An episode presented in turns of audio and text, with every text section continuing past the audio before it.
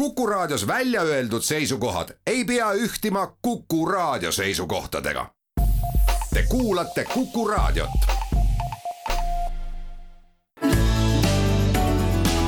keskpäevatund. Это жизнь, это карма. Эй, привет, город Нарва. Я лечу к тебе, kolm tundi veel ja seal oleme vaid ainult me koos . Эй, а это жизнь, это карма. Эй, эй, привет, город Нарва. ja mu väike vennelanna tead , ma satan siia harva siis , kui Balti jaamast välja läheb . südalinnas agulis , mu tunded kinni vagunis , ma esmapilgul nägin ainult seda sinu tagumist , sa särad nagu paabulind ja ründad nagu kotkas , aga südamete sõjas sain ma õla peale pagunud . Давайте выпьем виски , погава римба английски .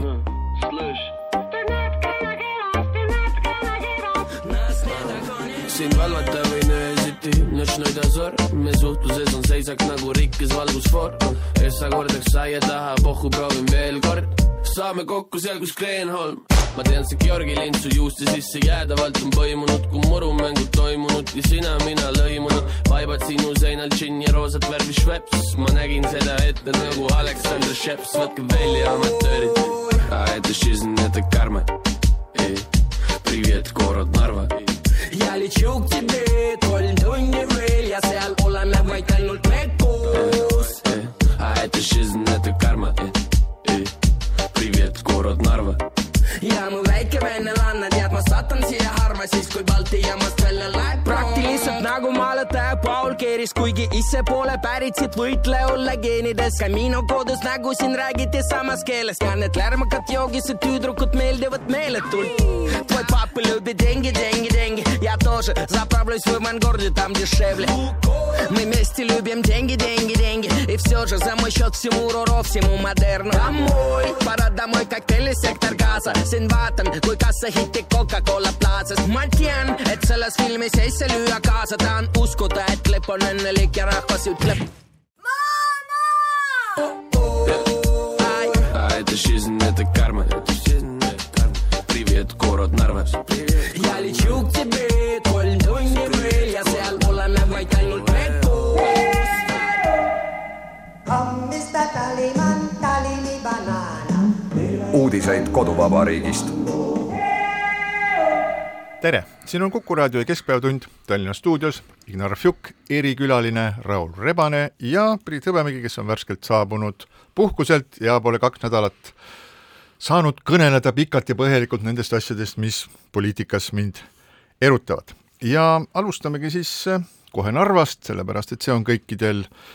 meelel ja keelel ja meil esines Nublu, Füroxana Nublu ja Gameboy Tetris ja tõepoolest see laul on võib-olla üks päravaid, parimaid selliseid laule, mis näitab, kuidas inimesed, erinevad keeled ja meeled Narvas võivad seguneda, aga kahtlemata on Narvas olnud ka pikka aega selline hauduv supp ja see supp pandi podisema juba umbes kolmkümmend aastat tagasi ja midagi head sellest tegelikult tulnud ei ole. pikka aega on Eesti meedia jälginud seda, et mis siis juhtub selle kurikuulsa Narva tankiga, mis tõepoolest ei ole läbinud ühtegi lahingut, vaid mis on toodud sinna ühest laost, nii et kõik need jutud, et see on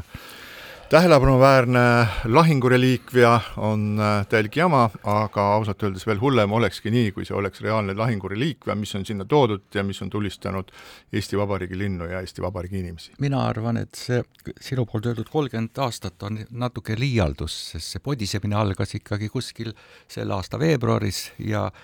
ja ja selle asemel, et meie poliitikud ja, ja võim ka midagi konkreetselt teeks, nad lihtsalt otsisid tribüüni, kus aga said ja nad seda said, et lihtsalt avaldada oma pahameelt, oi kui koledad need punamendid on, oi kui punamendid on, et kui halvad nad on.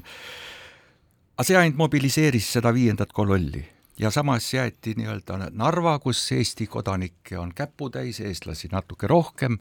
või natuke vähem, vabandust, linnapea täiesti üksi, kes tõsi, oma väljaütlemistega sõnastas viienda kolonine nii-öelda emotsionaalse kui õigusliku aluse, et tanki mahavõtmisele vastu seista, aga sellegipoolest, näiteks kui võrrelda, mis Läti tegi, siis juba nad kevadel võtsid vastu seaduse, mis nii-öelda lubas Nõukogude ja natsirežiimi ülistavate esemete eksponeerimise keelustamise ja nende lammutamise Lätis ja kohustas viieteistkümnendaks novembriks, eks kuue kuu jooksul need maha võtta. ja see näitabki seda tohutut poliitilise tarkuse ja konteksti erinevust, et meil, mis oli ka muide kaks tuhat seitse pronkssõduri ajal, meie poliitikud ainult kütavad, siis oli ka enne valimisi, lihtsalt oma pooldajaid üles, selle asemel, et midagi teha ja maandada riske. Me ei ole selleks mitte midagi teinud, nii et kahekümne neljandast veebruarist Ukrainas käib sõda, aga meie podiseme siin nii-öelda valimiste tuules. no mul on väga hea meel sinuga mitte nõus olla. et eh, ma arvan, see asi on hoopis laiem ja Narva ei ole üldse mingisugune maailma keskpunkt praegu. et see, mis praegu toimub seal, on üldse eh, palju suurem, see on väga tõsine ja sisuline ideoloogiline konflikt, mille tõi välja Ukraina sõna, sõda. ja, ja äh, see tõi nüüd välja selle, et äh, Vene infosfääris ja meie infosfääris elavate inimeste nii-öelda ta-, muutuste taju on täiesti erinev äh,. Uuringud on väga keeruline saada, eile tuli Levada uuring mis on muide tunnistatud ka välisagendiks siis ja Levinson andis selle intervjuu, numbrid on päris julmad. Ehm, kuuskümmend kaheksa protsenti Vene riigi inimesi usub praegu, et riik teeb õigesti, see on veebruaris muide tõusnud kaheksateist protsenti, viiskümmend seitse protsenti arvab, et riigi majandusolukord on üle keskmise, nelikümmend protsenti usub, et järgmisel aastal läheb veel paremaks, kokku ligi kuuskümmend protsenti arvab, et, et poliitilised muutused tulevad positiivsed, Putini populaarsus kaheksakümmend kolm protsenti. Ehk see tähendab, et sisuliselt äh, see ei ole sugugi mitte Putini sõda, seitsekümmend kolm protsenti muide usub võitu, nii et äh, äh, Ukraina üle. nii et see tähendab hoopis midagi muud. ja see tähendab seda, et see on nagu ikkagi ka väga paljuski vene rahvasõda ja ja ma olen täiesti veendunud, et Narvas väga paljud ei taha nii-öelda äh, Venemaa Eestit, vaadates üle jõe, nad ju näevad, et mis seal toimub aga Narvas käib väga tugev võitlus, et säilitada Eesti-Venemaa. Ja siiamaani, kuni äh, veebruarikuuni oli see täiesti võimalik, ei olnud mingit probleemi, säilitati nii äh, ajalooline, kultuuriline, keeleline ühtsus piltlikult öeldes, elades Euroopa Liidus, säilitati Vene väärtussüsteem ja nüüd see jooksis meie arusaamistega sõja alguses kokku, see on nüüd väga terav konflikt ja minu meelest äh, siin öelda, kas see on jokutamine või mitte jokutamine, ma ei ole päris nõus. ma arvan, et laupäeval eelmine laupäev, pühapäev, ma oletan, et võeti need otsused, mida Narva volikogu tegijad võtavad selle ise maha, see on praktiliselt ainukene võimalus, ja nad peavad seda nüüd ka ruttu tegema ja kui nad ei tee, siis teeb seda Eesti riik ja ma arvan, et see asi on sellega lõppenud. Kui ma midagi hea uudise selle kohta ütlen, siis ainult selle, et Narva probleem on erakordselt pisikene võrreldes sellega, mis ootab riiki ja ja ma arvan, erinevaid valitsusi, ükskõik kes nad ei ole, ees Tallinnas, kus selline nii-öelda vene ajaloolis-kultuurilise mälu säilitamine on hoopis tugevamal tasemel kui Narvas. no aga mida sa mõtled, et mis siis Eesti, mis siis Tallinnas nüüd siis võib nagu veel ees olla, et meil on pronkssõdur, pronksiöö on möödas, kogemused on olemas, veekahurid on ka olemas, kui need peaks vaja olema endal, ja pronkssõdur on viidud ära sõjaväekalmistule ja seal ei õnnestu teha mitte mingisuguseid ei surematute ega elavate paraade enam, et kus kohas sa seda nagu sellist nagu hõõguvat punkti siin Tallinnas näed? ei, mingit sellist objekti, noh, peale selle, et on poolteist, pooleteistmeetrine nelkide kuhi Tallinnas praegu praktiliselt ei ole, aga Äh, need on hoopis sügavamad ja keerulisemad asjad, noh näiteks see, eks ole, et kuni viimase ajani meil oli äh, koolidirektor, kes kolmkümmend kolm aastat sai olla direktor, nii et eesti keelt ei osanud, või kakskümmend viis aastat oli väga efektiivselt ära stopatud Eesti koolil üleminek ja nii edasi, vaat need muudatused saavad olema keerulised. no ja see konkreetne koolidirektor on siis juba, juba siiski ametist vallandatud ja siin võib, või ta on sealt lahkunud ja siin võib Äh, ka vaadata täitsa selgelt siis Keskerakonna selle olemasoleva või siiamaani kestva sellise võimu juurde Tallinnas, aga ma tahtsin nende küsitluste kohta sulle öelda, et et ikka tuleb nii-öelda äh, Peltsepuli Peltsepulidega välja ajada, et äh, sina räägid Levada et, äh, tsentrumist ma räägin sulle siis sellest ühest väga tuntud äh, vasakpoolsest sotsioloogist ähm, Boriss Kagarlitskist, kel, kes on andnud siis ühele Rootsi vasakpoolsele ajakirjale Jakobiin väga huvitava ja väga põhjaliku pika intervjuu, see on värske intervjuu ja ta ütleb seal muuhulgas sellist asja, et mis on saanud siis arvamusküsitlustest Putini Venemaal. Ja ta ütleb nii, et äh, sotsioloogina võin ma kinnitada, et sõja algusest alates on nende inimeste hulk, kes on valmis vastama arvamusküsitlustele, kukkunud sellisele tasemele, et see on praktiliselt täiesti äh, mitterepresentatiivne. enne sõda oli see protsent alla kolmekümne, mis on iseenesest juba väga madal ja nüüd, arvestades äh, kõike seda on suur õnn kui, kui kümme protsenti üldse on nõus vastama küsitlusele, aga tegelikult on see viis kuni seitse protsenti ja nendest viiest protsendist umbes, umbes kuuskümmend viis kuni seitsekümmend protsenti toetab sõda. nii et kui sa ütled, et kuuskümmend viis või seitsekümmend protsenti Levada Äh, andmetel toetab sõda, siis äh, ka Karlitskile toetudes võiks öelda, et see seitsekümmend viis protsenti on pärit viiest protsendist kõigist vastajatest. ma olen sellega nõus, ma jälgin väga pingsalt, et saada mingisugustki infot kätte ja peamine infoallikas praeguseks ajaks on kujunenud äh, siis sellised Vox Populi tüüpi küsitlused, mida tehakse kümneid ja kümneid, paraku tuleb tunnistada, et nende vastused, kuigi seda teevad väga selgelt ka mitte noh, nii-öelda Putini-meelsed inimesed, nende vastused siiski veenavad, et toetus sõjale on arvestatavalt suur, aga mis puudutab numbreid, et palju vastab ja, ja mismoodi vastab, jah, siis mul on olemas ühed numbrid, mis ütlesid, et kolmkümmend üks tuhat inimest küsiti ja kakskümmend üheksa tuhat seitsesada keeldus vastamast no enam-vähem tuleb äh, sinnasamasse välja. nii et äh, tõepoolest, aga see, mida Kagalitski siis veel ütleb ja mis on väga huvitav, on see, et äh, minu, minu arvates, et on asjad niimoodi, ütleb siis äh, tuntud Vene vasakpoolne ähm, sotsioloog Kagarletski, et suuremal osal inimestel pole üldse mitte mingisugust arvamust. Ma mõneti ei ole, Raul, nõus selle sinu väitega, sest sa ei toonud esile ühtegi argumenti, mis eh, nii-öelda eh, ei toetaks eh, vajadust ka meie poliitikat riigisiseselt targalt läbi viia, ettemõeldavalt kõikidele tagajärgile, mis me teeme ja poliitiku suu on äh, nii-öelda tööriistaks, kui ta istub parlamendis ja võtab vastu vajalikke seadusi ja otsuseid. tema tööriistaks ei ole esineda selle asemel äh, nii-öelda avalikus pressis, eriti kui on sõjaolukord, me ju kõik iga päev tunnistame endale, et Ukraina sõda on meie sõda. mis tähendab seda, et see sõda on nii lääne, lääne demokraatia, lääne väärtuste kui ka NATO vastu. järelikult me ka peame tunnistama, et meie tegevused peaks olema nii-öelda põhjendatud ja ka nii-öelda sõjatingimustes. me ei pea rääkima seda, mida me tahame teha, kui meil on nii-öelda ohuks on mingisugune noh, turvalisrisk aga aga tanki mahavõtmine on ju väga konkreetne tegevus. absoluutselt, ja seda ei saa teha niimoodi, et neli kuud ainult sellest räägitakse ja pole ühtegi õigusakti, ühtegi poliitilist otsust, välja arvatud see, mida siis Narva volikogu või linnapea räägib ka, ainult räägib kolm-neli kuud. aga ma tahaks öelda nüüd ühte märksa olulisemat asja, et et need nii-öelda jutud nendest küsitlustest, mille nagu Priit hästi näitas ära, et sellises režiimi tingimustes, nagu Venemaal on, ei saagi loota, et inimesed ausalt oma arvamust avaldaksid. Nad kardavad võimalikke sanktsioone, siis meil endal peaks olema väga pikk ja põhjendatud kogemus ja teadmine, et mida meie see idanaaber teeb, ühelt poolt tuhat aastat ekspansiooni,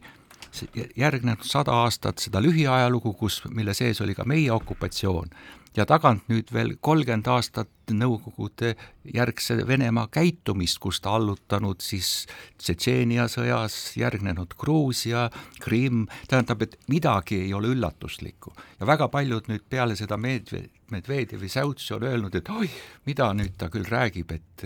et Eesti vabadus on ainult nii-öelda Venemaa tegemata jätmise teema, siis see ongi kõik see, mida Venemaa kogu aeg ongi teinud samm-sammult. Ja seda enam me peame olema oma tegevustes väga targad ja ettevaatlikud. No äh, minu meelest äh, see suundumus, mis on pärast eriti kaks tuhat neliteist selge olnud, mis on Venemaa reaalne plaan,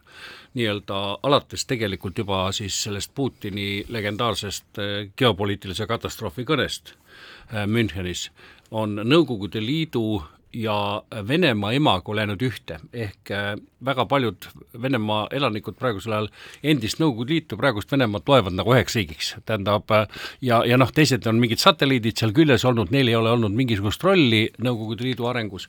ja sisuliselt see nii-öelda Nõukogude Liidu taastamine, kes sellest aru ei saa, noh, see on väga suur probleem, kaks tuhat neliteist alates on juba kõik täiesti selge olnud. aga see on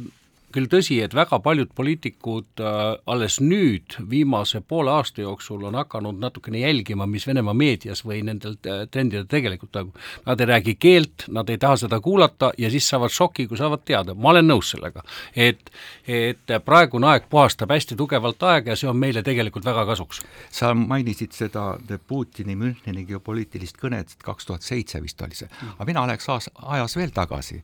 siis, kui eh, Putin oli veel eh, Peterburi või Leningradi, mis iganes, aselinnapea ja ta oli Saksamaal Hamburgi raekojas, kus Lennart Meri tuhat üheksasada üheksakümmend neli veebruaris pidas kõne, mille käigus siis Putin tõusis püsti ja läks uksepaukudest sealt välja. kui Putin rääkis okupatsioon, või see, kui Meri rääkis okupatsioonist? ta ei rääkinud ainult okupatsioonist, ta rääkis Karaganovi doktriinist, mille, millest ta rääkis ka juba aasta varem, kahekümne neljandal veebruaril Estonia kontsertsaalis. ja see Karaganovi doktriin ütleb ühe, üheselt ja agiteerib lähis, välismaal elavaid venelasi kohale jääma, targalt infiltreeruma ja mõjutama kohalikku poliitikat ehk viienda kolonni sünni ja toetuse äh, nii-öelda sõnum ja tekst ongi see Karaganovi doktriin. ja, ja see ongi, praktiliselt kolmkümmend aastat on Venemaa ametlik poliitika viinud ellu seda nii enda riigis, et nii-öelda tugevdada seda patriotismi, et allutada naaberriike ja naaberriikides seda viiendat kolonni kasvatama jaa, kahtlemata, et kes on viitsinud lugeda siis ühte paksu, aga väga head raamatut, mis tänavu eesti keelde tõlgiti, see on Briti ajakirjaniku Catherine Beltoni raamat Putini inimesed siis sellest raamatust, ja ma tõesti südames soovitan seda, saab erakordselt selge pildi, et kuidas siis üleminek Nõukogude Liidust umbes kümme aastat kestnud segaduste perioodile Venemaal toimus ja seejärel, kuidas siis algas uuesti selle, selle Nõukogude Liidu vaikne taastamine, mis tegelikult tähendas siis seda, et KGB, kes oli paremini informeeritud kui äh, Nõukogude suured ähm, riigijuhid või parteitegelased te, said juba ammu aru, et asi variseb kokku, nad olid loonud väga palju erinevaid selliseid varifirmasid välismaal, mille kaudu siis ka Nõukogude Liidule siis äh, valuutad hangiti, nad sisuliselt pistsid need endale tasku äh,, võtsid ära Äh, partei keskkomiteele kuulunud varad ja kinnisvarad, omastasid kõik selle, siis lasid äh, parteil pankrotti minna ja seejärel hakkasid vaikselt üles ehitama siis süsteemi, millega ühel hetkel äh, kontserte-, kontsentreerida võim Kremli kätte, et segane oli veel esialgu see, et kes seda kõike hakkab juhtima, aga selge oli see, et kui ühine peremees on siis, kas on ta siis, nimetame seda KGB-ks või SRV-ks või või SRU-ks või mis, mis iganes süsteem see on, aga igal juhul jõuametkonnad äh,, endised KGB-lased, krabasid sisuliselt enda kätte kogu selle Nõukogude Liidu kunagise võimsuse ja otsustasid juba kolmkümmend aastat tagasi selle värgi ühel hetkel taastada ja siia kohta me oleme siis lõpuks nüüd jõudnud ma võtaksin selle kokku niimoodi, et Narva tõepoolest ei ole mingisugune põhjus, see on kõige puhtam tagajärg ja äh, muudatused toimusid ära kahekümne neljandal veebruaril, mis tõi avalikku taju kõik selle probleemistiku, mis me praegu kõneleme, me olime enne väga pehmed sellest aru saama ja kõnelema, noh et igaks juhuks ei tahtnud tüli ja äkki tekib probleem. Kõige suuremaid muudatusi toob see kaasa äh, nendele inimestele, kes siiralt elavad praegu Vene infosfääris, usuvad Putinit, äh, usuvad seda, mis seal praegu toimub, äh, paraku midagi teha ei ole, ühiskondlik olukord nende ümber muutub niivõrd palju, et tuleb arvestada uute realiteetidega ja ma arvan, me läheme just praegu sellesse tsüklisse sisse. Narva teeb enda oma praegu läbi, aga muud Eesti kohad või noh, nagu ma ütlen, ka Tallinn tulevad järele, nii et siin loota, et me pääseksime mingite ilma konfliktideta või, või tõsiste poliitiliste diskussioonideta, ma arvan, et ei ole võimalik. kindlasti nii oleks väitnud nii mõnigi poliitik enne neid äh, laulva revolutsiooni aegseid ja järgseid tegevusi, et Eesti ei pääse ohvriteta. meid kogu aeg hoiatati, ärge kõigutage Gorbatšovi paati ja see, see lõpeb meile väga halvasti. Eesti sai hakkama ühegi ohvrita. ma ei räägi ja, ohvritest, ma rääkisin konfliktidest. aga põhimõtteliselt konflikt on eeldus, et võib ka sündida midagi kurjemat, aga ma tahaks oma selle nagu fookuses hoida endist seda liigset sõnaohtrust ja, ja vastutamatust oma sõnade eest, eriti praegu, täna on ju Keskerakonna kongress, on, juhtusin lugema ähm, meedias, kus üks Keskerakonna piirkonna juhte, järelikult oluline Keskerakonna kõnesik, kurjustab Eesti valitsusega ja noh, pistrikuna proov-, provotseerib vahetult relvastatud konflikti äh, Venemaaga, tuues nagu aluseks selle Vene, Vene helikopteri äh, piiririkkumise mõneks minutiks, kus siis ta ütleb, et kuidas siis välisminister küll kutsub saadiku välja ja protestib selle asemel, et Eesti Kaitsevägi võiks võtta ja kopteri alla lasta. no sellist arusaamatut kontekstivälist juttu annab ikka otsida. tead, ma tegin ühe loo ja, ja seal on väike-väike äh, niisugune äh, analüüs, et kes, mis tüüpi on poliitikud, on kohalikud, on rahvuslikud, on rahvusvahelised ja rahvusvaheline poliitika on täiesti midagi muud kui erinev. see, et kui keegi noh, nii-öelda eluaeg kohalikus elus elanud ja rahvusvahelist pilti mitte omav inimene, tal on kindlasti oma oletusi, oma mõtted ja arvamused, ma ei võtaks neid väga tõsiselt. no kaks sammu tagasi minnes, siis äh, siin oli juttu sellest äh, Narvast jälle ja tegelikult huvitaval kombel ja, ja siis infoväljadest, et huvitaval kombel on nii, et pärast seda, kui mõned kuud tagasi oli suur diskussioon selle üle, et kas Narvas äh, tohib, ei tohi vaadata siis Vene telekanaleid, siis midagi lülitati kuskilt välja, tänaseks päevaks on ju kõik jõudnud täpselt samamoodi nagu enne oli, et Narvas pistad mingisuguse naelajupi või traadijupi, pistad telekasse sisse ja siis vaatad kõike seda, mis teiselt poolt jõge tuleb, et mingisugust, et kampaania on nagu möödas, aga tulemusi sellel ei ole, inimesed elavad selles äh, infovoolus samamoodi edasi, nagu nad enne olid ja, ja nende siis kohalike venemeelsete vanemate inimeste põhiprobleem on minu meelest see, et nad on, ma, ma nimetan seda Ukraina sõja või Putini dilemmaks et äh, erinevalt väga paljudest äh, konfliktidest, mis on varem olnud, on nüüd ainult kaks võimalust. et sa kas oled siis äh, Putini vägistamissõja poolt või sa oled sellele absoluutselt vastu, sa ei saa jääda erapooletuks, sa ei saa jääda kõrvale, sa pead tingimata valima ühe poole. ja nüüd nii, nagu mina aru saan, on see, see venekeelne elanikkond, venemeelne elanikkond üritab kõigest väest seda dilemmat vältida ja minu meelest on ka need, ka Karlitski Ehm, siis äh, andmed selle kohta, et suur osa venelastest väldib arvamuse või seisukoha võtmist, nad ei vaata ka poliitikasaateid, nad elavad lihtsalt igapäevast elu, proovivad nagu selles äh, keerulises keskkonnas ellu jääda, et see on üks neid võimalusi, et ma panen oma silmad kinni, et see mind ei puuduta, sellepärast vastasel korral ma pean valima. ja valik on väga keeruline. Ja siinkohal väike paus. keskpäevatund ja Keskpäevatund jätkab, Raul Rebra, Rebane, Ignar Fjuk ja Priit Hõbemägi Kuku raadio stuudios, päike paistab, ilm on ilus. ja räägime edasi nendel teemadel, mis kõiki erutavad, et äh, milline võiks siis äh, olla näiteks äh, sanktsioonide mõju Ukrainale, et kui neid on siin kehtestatud äh, vist juba kuus paketti ja nüüd, kui, ja nüüd paistab, et äh, käsi on juba, kaabib põhja, nagu öeldakse, ja viimane asi, millest siis räägivad, eriti Eesti, räägib Soome, on see, et äh, Venemaa kodanikele tuleks keelata Euroopasse sissesõit, sellega on kaasa läinud Läti, Leedu ja siis Poolas selle üle veel arutatakse, kui me vaatame, milline on siis maismaapiir Venemaaga, millistel riikidel, need ongi Soome, Eesti, Läti, Leedu ja nüüd äh, kuna me teame ka väga hästi, et lennuühendused on juba katkestatud, siis kui selles, selles osas pannakse maismaapiir ka kinni, siis äh, peaks see ju lõpp, lõppkokkuvõttes sanktsioonini mõjutama, noh, ma ei tea, vähemasti Moskva ja Peterburi jõukamaid elanikke, ma ei tea, kas nemad muidugi arvamusküsimustele vast-, küsitlustele vastavad ja, ja milline tulemus see üldiselt võiks siis, tulemuse võiks see anda? see, et äh, väga keeruline on aru saada praegu, et kuskohalt võtta korralikku informatsiooni ja otsing äh, heade majandusanalüütikute peale on väga suur. Töötatakse aja jooksul välja oma mingid usaldusväärsed autorid, noh üks väga huvitav on siis Moskvast üks Natalja Zubarevitš, kes on siis Moskva ülikooli professor ja kes analüüsib niimoodi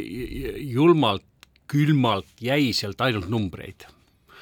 töötlev tööstus, nafta, erinevad piirkonnad, regioonid ja nii edasi. Ja, ja äh, siin meil on vahetevahel ettekujutus ja siiamaani ka Eesti meediasse tilgub teinekord läbi, et sanktsioonid mitte midagi ei aita ja Venemaa tulud hoopis tõusevad ja kõik on väga hästi. see loomulikult äh, nii ei ole, seepärast et see on, seda tuleb vaadata kui protsessi. praegu ilmus ka üks päris tõsine asi, see on siis Ameerikas väga huvitava nimega uuring, mille nimi on Kohanemine liikuva märklauaga ja selle tegi siis äh, äh Institute of International Finance ja, ja äh, seal toodi välja, et siiski äh, äh, see oletus, et kaks-kolm kuud ja siis hakkab see väga tugevat mõju avaldama, et see nii lihtne ei ole, aga siiski aasta lõpuks pakutakse, et langus on viisteist protsenti, on äh, näiteks kaubanduses on Moskva oblastis kolmkümmend viis protsenti, noh autotööstus sisuliselt, eks ole, suri ära, jälle pöördutakse siis noh, omaaegse ilma turvavarustuseta Volgade ja Sigulite juurde tagasi. Ja, ja tohutu tuhandeid kohti, mis on siis nii-öelda monokultuursed, need üksteise järel lainena hakkavad tulema, naftasanktsioonid detsembrist, eks ole, need mõjuvad kaks-kolm kuud, siis see läheb naftatööstus, tööstusse, et sanktsioonide eesmärk ei ole mitte noh, nii-öelda panna äh, sõda äh, äh nii-öelda koheselt seisma, vaid teha võimatuks äh, Putinil äh, mingil hetkel sõda jätkata ehk see tähendab, et võtta ära viie, viimase viieteistkümne aasta majanduskasv ja, ja, ja suruda see piltlikult öeldes majanduseluga põlviti, mis muide meie hea grupp inimesed, kes siin praegu kohal on, me oleme selle üle elanud kaheksakümnendatel aastatel, kui kõik hakkas lagunema, see võttis seitse-kaheksa aastat ja siis jooksis kogu see asi kokku. nii et minu seisukoht on küll selge, et, et sanktsioonide mõju on tugev Äh, see on pikema vinnaga kui võimalik, ta jookseb äh, võib-olla alguses mingisuguseid väiksemaid kohti pidi ja, ja alles siis, noh, praegu Moskva inimesed elavad veel suhteliselt nagu täiesti tavalist elu, aga, aga seda, et ta äh, oleks äh, mõjuta, seda kindlasti mitte, lisaks takkatippu need äh, mitmed tuhanded välismaa firmad, kes ära lähevad, siis praegu käis üks protsess, kus üritati nende töötajatele, et nad maksaksid palka nii kaua kui võimalik ja, ja maksavad muide tänaseni. aga nüüd augustiga lõpeb see otsa. ja seal on väga suur hulk, vist ligi miljon noh, nii-öelda kõrgepalgalist töötajat, see hakkab lainetena jälle käima, nii et mina neid lugusid, mida ma Eesti meediast teinekord loen, et sanktsioonidel mingit mõju ei ole ja Venemaal läheb paremini kui kunagi varem, ma ei võtaks tõsiselt. mõlema poolega saab nõus olla, kuid lisaksin ka, ka veel kolmanda poole, et sanktsioonidel on mõju, aga neil on ka vastastikune mõju. ja igat sanktsiooni seades ja rakendades peab eh, Euroopa või Ameerika poliitik nagu nõustuma ja vastavalt moraalselt ka valmis olema ka teatud vastastu, noh, tagasipõjus enda mingisugustele finantsilistele või õiguslikele kaotustele, nii nagu needsamad suurettevõtted, kes on lahkunud Venemaalt, kannavad ju suuri kahjusid sellega seos. aga see ongi selle sõja hind. ja selleks, et see hind oleks nii-öelda konkreetsetes sektorites väiksem ja nagu eelnevalt vist Priit, sina mainisid, et see ei ole üksni Putini sõda, see on Vene rahva sõda et seetõttu tulebki need sanktsioonid viia laiemale pinnale, mis käsitleb näiteks sealhulgas ka nüüd viisade mitteandmist, turismiviisade andmist või mitte nende luba, nende rakendamist läbi Eesti tulemiseks või läbi Soome tulemiseks, et, et, et seda sõja sisulist katastroofilist ja hukatuslikku toimet peab tundma iga venelane, iga Vene kodanik, kes elab Venemaal ja selle nii-öelda eellood ju on juba nüüd mitmeid kuid, me jälgime, kuidas ei lubata Venemaa sportlasi üritustele, spordivõistlustele ja üksikud need, kus siis seda lubatakse, see nüüd võtab, nagu öeldakse, hukkamõistu ülemaailmselt. et ma arvan, see mõju ongi selline, pluss siis nüüd, mida meie siin Eestis ise veel lisaks tahame teha relvalubade keelustamine Vene kodanikele ja halli passi omanikele ühelt poolt või siis ka kohalikel valimistel hääletamisõiguse äravõtmine neil samadel gruppidel, mis on muidugi keerulisem, sest see puudutab põhiseadust. üks äh, teooria, mis räägib siis sellest, mispärast ei ole äh, Venemaa, mis äh, Ukrainas sõda peab, ei ole suutnud oma vägesid paremini formeerida, on siis see, et just nimelt need inimesed, kes panevad oma silmad kinni praegu kogu selle probleemi ees, et nad ei taha selles dilemmas kumb, kumbagi varianti valida ja elada rahulikult oma elu edasi, et äh, seda ei ole tegelikult nende hoovile tulnud. et kui nad ka ei vaata siis neid äh, ajupesusaateid, nii nagu ka, ka Karlitski väidab, vaid püüavad lihtsalt nii-öelda elada sellises mingisuguses tunnelis või torus, et siis on kõik hästi, aga sel hetkel, kui siis äh, nende poeg või vennapoeg või keegi siis äh, võetakse mobilisatsiooniga või kodumasin, mis sealt, sealt toodud, läheb rikki ja ei osata seda parandada. no see on nagu üks küsimus jaa, aga kui see, kui see puudutab nagu nende sellist nagu emotsionaalsete suhete keskkonda, kui sealt keegi ära kaob, keegi saab surma või korraga tuleb välja, et on nagu mobilisatsioon ja, ja see puudutab kõiki perekondi, et siis tekib jälle mingisugune täiesti uus uus olukord, sa ei saa enam jälle silmi kinni panna ja võib-olla kogu see küsimus, võib-olla kõige suurema sellise teene üldse olukorra muutusele Venemaal saabki teha Putin ise kui ta laiendab siis seda mobilisatsiooni nii, et sellest kõigest saab sõda ja see ei ole enam sõjaline erioperatsioon. see on päris äh, huvitav, kuigi ma Putinisse ei, ei suuda kuidagi uskuda, aga paar päeva tagasi oli väga huvitav lugu äh, Twitteris ja siis äh, muide presidendikandidaat, kes kandideeris, Ksenia Sobtšak, pani oma bikiinides pildi Twitterisse üles ja oli pahane. Ja ütles niimoodi, me sel, sel suvel otsustasime veeta puhkuse meie armsas Euroopas aga et Euroopas ei saada aru, et, et, et sellest sanktsioonidest ja nendest piirangutest ei kannatavad mitte ainult sõjaarhitektid, vaid ka lihtsad inimesed, inimesed, kes tahavad elust rõõmu tunda, kasvatada oma lapsi ja mitte seok-, sekkuda geopoliitilistesse lahingutesse, et see tähendab, see on see täpselt seesama, mida sa kirjeldasid. et osade arvates äh, tuleb elada selles hallitsoonis, see sõda meid ei puuduta ja elada nii kaua kui võimalik, noh, see puudutab turismi ja nii edasi. teine aspekt selle viisade asja juures on inimesed, kellele Venemaale tagasimineku puhul, ja neid on väga palju, sadu tuhandeid praegu, neid ähvardas reaalselt mitte ainult sanktsioonid, vaid reaalsed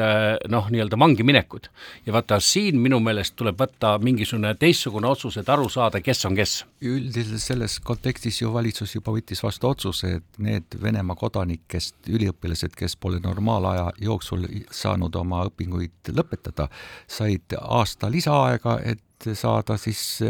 Tartu Ülikoolis või Tallinna Ülikoolis oma õpingutele korralik diplomiga lõpetatus. meid on äh, siin viiskümmend, aga Lätis on tuhat ajakirjanikku, kellele tagasiminek, kellest äh, väga paljud on kuulutatud nii-öelda välismaa agentideks, kellele tagasiminek oleks äh, seotud ma, reaalse jah, ohuga nende elule. juhtusin nelja-viit seda Vene kodanikust üliõpilase intervjuud Aktuaalses Kaameras nägema, kes rääkisid ilusas eesti keeles peale kahte-kolm aastat siin õppimist, samal ajal kui meil elavad siin hordide kaupa sündinud inimesed, kes ei räägi sõnagi eesti keelt ja nad olid Ukraina värvides, nad on, ütlesid, et nad on demonstratsioonidel esinenud Ukraina toetuseks. ja selles kontekstis ehk olekski vaja välja tuua eh,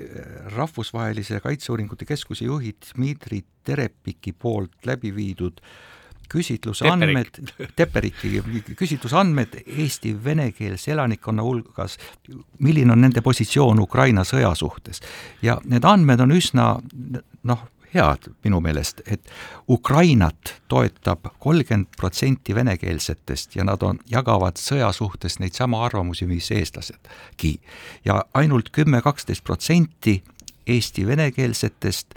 on häälekalt Venemaa seisukohtade toes ja toetavad ka sõda ja Putinit. ja kõik ülejäänud on just nii, nagu oligi juttu nii-öelda, kes hea meelega ei taha midagi öelda, midagi arvata, mida nad, milline on nende meelsus, seda me ei tea, kriisiolukorras, kuidas nad käituvad, me ei tea, aga igal juhul, et neid on kolmkümmend viis protsenti, kes avalikult deklareerivad, et sõda Ukrainas on kurjast. see on head andmed. jah, no ma ma kindlasti kõrvutaks neid hea meelega mingite teiste andmetega, et ma olen, ma olen täiesti kindel, et Riigikantselei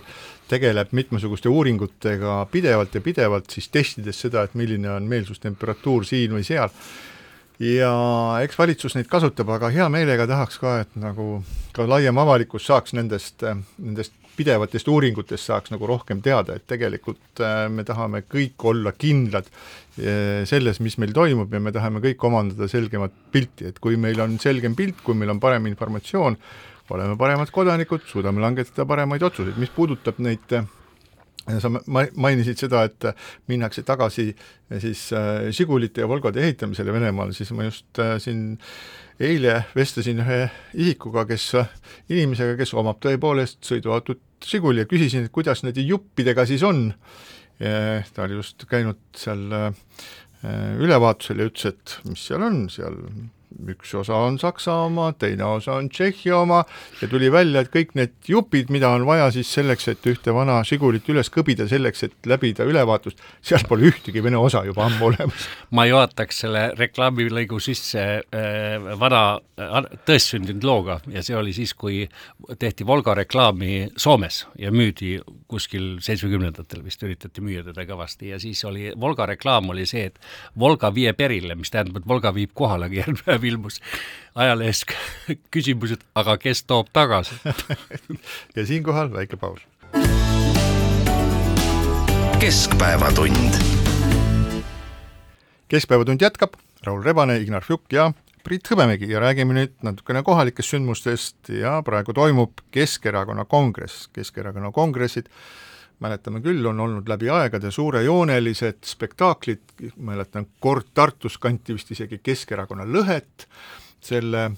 rongkäigu ees, just nimelt selleks, et näidata, et mingisugust lõhet Keskerakonnas justkui ei ole, noh, tänasel päeval võime öelda, et eks neid lõhesid on olnud seal enne ja on ka praegu,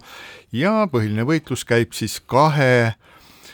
pretendendi vahel, Jüri Ratas, kahekordne peaminister ja Edgar Savisaarelt koha hammaste tagant ära rebinud mees ning praegune Keskerakonna Tartu piirkonna juht Jaan Toots, kes kandideerib samuti Keskerakonna esimeheks. Ja see võitlus on väga põnev, sellepärast et Jaan Toots, keda võiks nimetada klassikaliseks mustaks hobuseks, kes tuli tuli äh, võsast välja, on siiski tänaseks päevaks osanud vähemalt avalikkuses koguda endale palju positiivset vastukaja, kuidas läheb muidugi äh, Äh, kongressil endal seda võib, neid tulemusi võib näha kuskil või saame teada kuskil kella kolme paiku, siis selgub, kas äh, Jüri Ratas pühib oma higipisarat otsmikult või siis tõstab Jaan Toots võidu, võiduhüüdeks käed taeva poole no ma siiski kvalifitseeriks Jaan Tootsi rohkem selliseks äh, meelelahutuslikuks elemendiks äh, sellel nädalavahetusel koos oma nende armukolmnurkadega ja kõikide muuga, mis selle juurde käib. et küllapast Jüri Ratas ikkagi võidab ära, aga äh, paraku ma külje pealt vaadates mulle tundub, et äh, Jüri Ratase probleem ei ole praegu sugugi mitte Kaja Kallas et kui Kaja Kallas läheks homme näiteks tulemaale ja mitte kunagi ei räägiks enam ühtegi sõna poliitikast, siis see ei lahendaks mitte mingil määral Jüri Ratase probleeme. Jüri Ratase peamine probleem on tema peamise äh,, Jüri Ratase peamine probleem on Tallinn ja Tallinna äh, noh, nii-öelda väga suure elektoraadi-grupi suundumused ja taotlused ehk, ehk see on hästi palju määratlenud ära ka Keskerakonna poliitikute näiteks suhtumisi ja, ja sõjasse, neid hinnanguid, mis siin alguses anti hääletamistel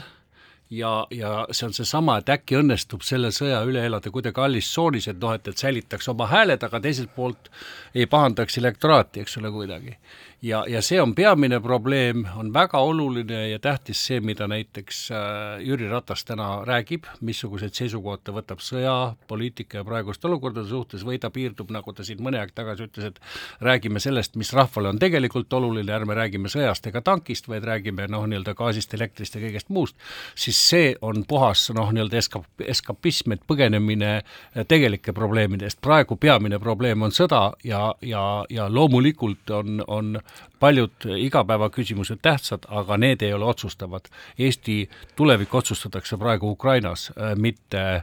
noh, nii-öelda elektririndel. mul on hea meel, et Jüri Ratase kõrvale ka asetas ennast nii-öelda trikoovooris, voorus kongressi saadikute ette Jaan Toots, kõige kurvem oleks, kui suurtel erakondadel, mis Eestis on üsna sageli kongressil esimehe kohale pretendeerib ainult üks endine esimees, mis näitab, et selles erakonnas on midagi väga valesti. ja see nii-öelda kunagine Tartus olnud rongkäik selle lõhega kuskil selle demonstratsiooni ees oli just selles mõttes heas võtmes, et, et lõhe peabki olema. see ongi see, mis ühte head erakonda iseloomustab, et seal on arvamuste paljusus ja käib pidev võitlus nende, nende nii-öelda elujõu eest. näiteks praegu on ju, me näeme, kuidas Suurbritannias peale seda, kui äh, Boris Johnson tagasi astus, mismoodi hakkas seal toimuma nende tooride liidri valimine, kõigepealt said kõik soovijad oma kandidaadi esitada, neid oli vist lausa üheksa, siis toimusid äh, nende parlamendi tooride fraktsioonis hääletused üle kolme päeva algul, kus iga vähem hääli kukkus välja ja lõpuks nüüd peale kahte kuud jäi järele kaks, kes siis nüüd neli kuud avalikus debatis üksteist kompavad, avalik meedia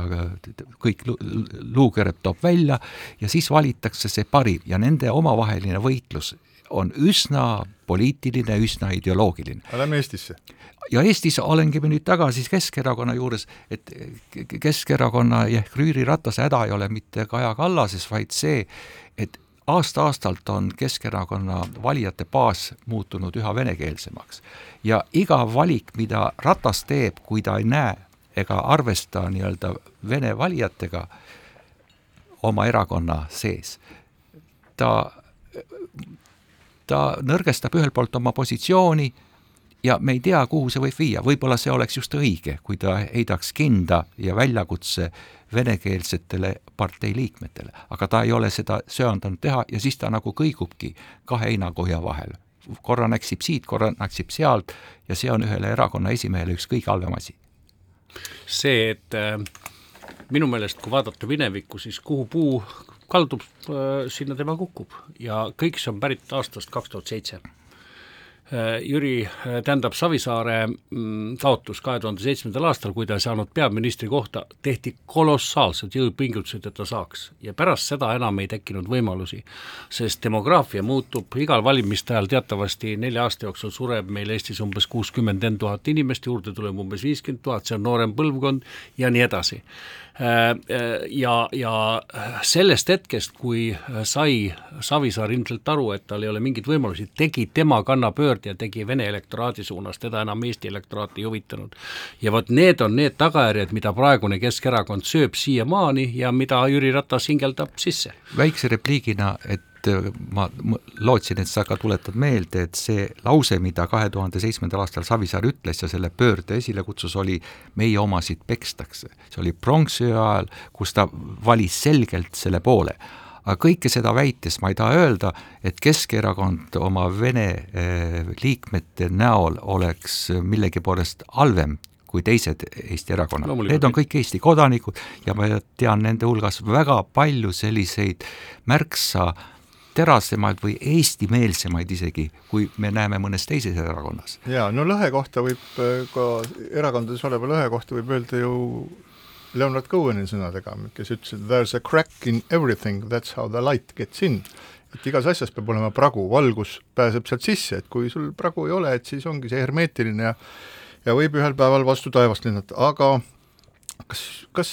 on üldse vaja enam muretseda nii väga nende venekeelsete Keskerakonna valijate pärast, et pikka aega oli ju selline mantra, et et Keskerakonnale tuleks olla tänulik selle pärast, et nad on kogunud siis need venekeelsed valijad enda tiiva alla ja tänu sellele ei ole siis sündinud meil sellist tõelist radikaalset vene, vene venemeelset äh, erakonda, aga tänaseks päevaks noh, raske on uskuda, et mingit taolist erakonda üldse enam sünnib, et las nad siis kukuvad vaikselt sealt küljest ära, las nad valivad ise oma tee, milleks nende pärast üldse enam muretseda? pärast kahekümne neljandat veebruari äh, Eesti sees on jõuvahekorrad muutunud ja on muutunud mitte seetõttu, et keegi noh, nii-öelda Nõukogude Liidu toetajate äh, Äh, arv oleks suuremaks läinud, vaid vastupidi, kuna sõda on ehmatanud nii põhjapanevalt ära kogu Eesti elanikkonna, et see nii-öelda Eesti pool on järsult tugevnenud ja selle näiteks on siis ka see Narva otsus, seepärast et äh, ühtegi muud võimalust ju Narval sisuliselt teha enam ei olnud, et noh, võidelda lõpuni selle eest, et ta jääks kuskile sinna, et me saaksime sinna jorjaneid viia, siis, siis, siis see, see nagu enam ei kõlba ja see jõuvahekorra muutus hakkab kajastuma ka muudes asjades ja see jõuvahekord on muutunud mitte seetõttu, et keegi nõrgeneb, vaid see, et meie hirm äh, selle eest, mis toimub Ukrainas ja, ja mis võib olla tuleviku noh, nii-öelda stsenaarium kuskil mujal, on meid ühendanud väga tugevalt. aga muidugi selle nii-öelda vene elemendi või vene olluse või vene sisu kohta Keskerakonnas, siin on ka üks nii-öelda teine väljund või arusaam, et et nende hulgas, kes kannavad seal ka nii-öelda vene poliitilist äh, mõtet, et nendest nii mõnigi on üsna radikaalselt venemeelne nad väljendavad arusaami, mis isegi pole enam omased vene kogukonnale Eestis kui tervikule. Need on, nad on just nagu äärmuste esindajad. Nad, nad on aastakümneid võidelnud hariduse eestikeelsele üleviimise vastu. Nad äh, motiveerivad või tõlgendavad seda venelaste ahistamisena, nad tõlgendavad seda venelaste assimileerimisena, mis kokkuvõttes annab vale signaali ja ta ei toeta Eesti ühiskonna tervenemist ja selle kokkuvõttega võime asuda ootama seda aega, mil kell saab kolm, me saame teada, kes on Keskerakonna uus või siis vana juht ja ka sellega ko-, üheskoos võime me hakata arvast-, arvama, et mida siis Keskerakond tulevikus hakkab Eesti poliitikas tegema. ja siinkohal lõpetame oma saate, täname teid kõiki kuulamast ja kohtume taas nädala pärast. keskpäevatund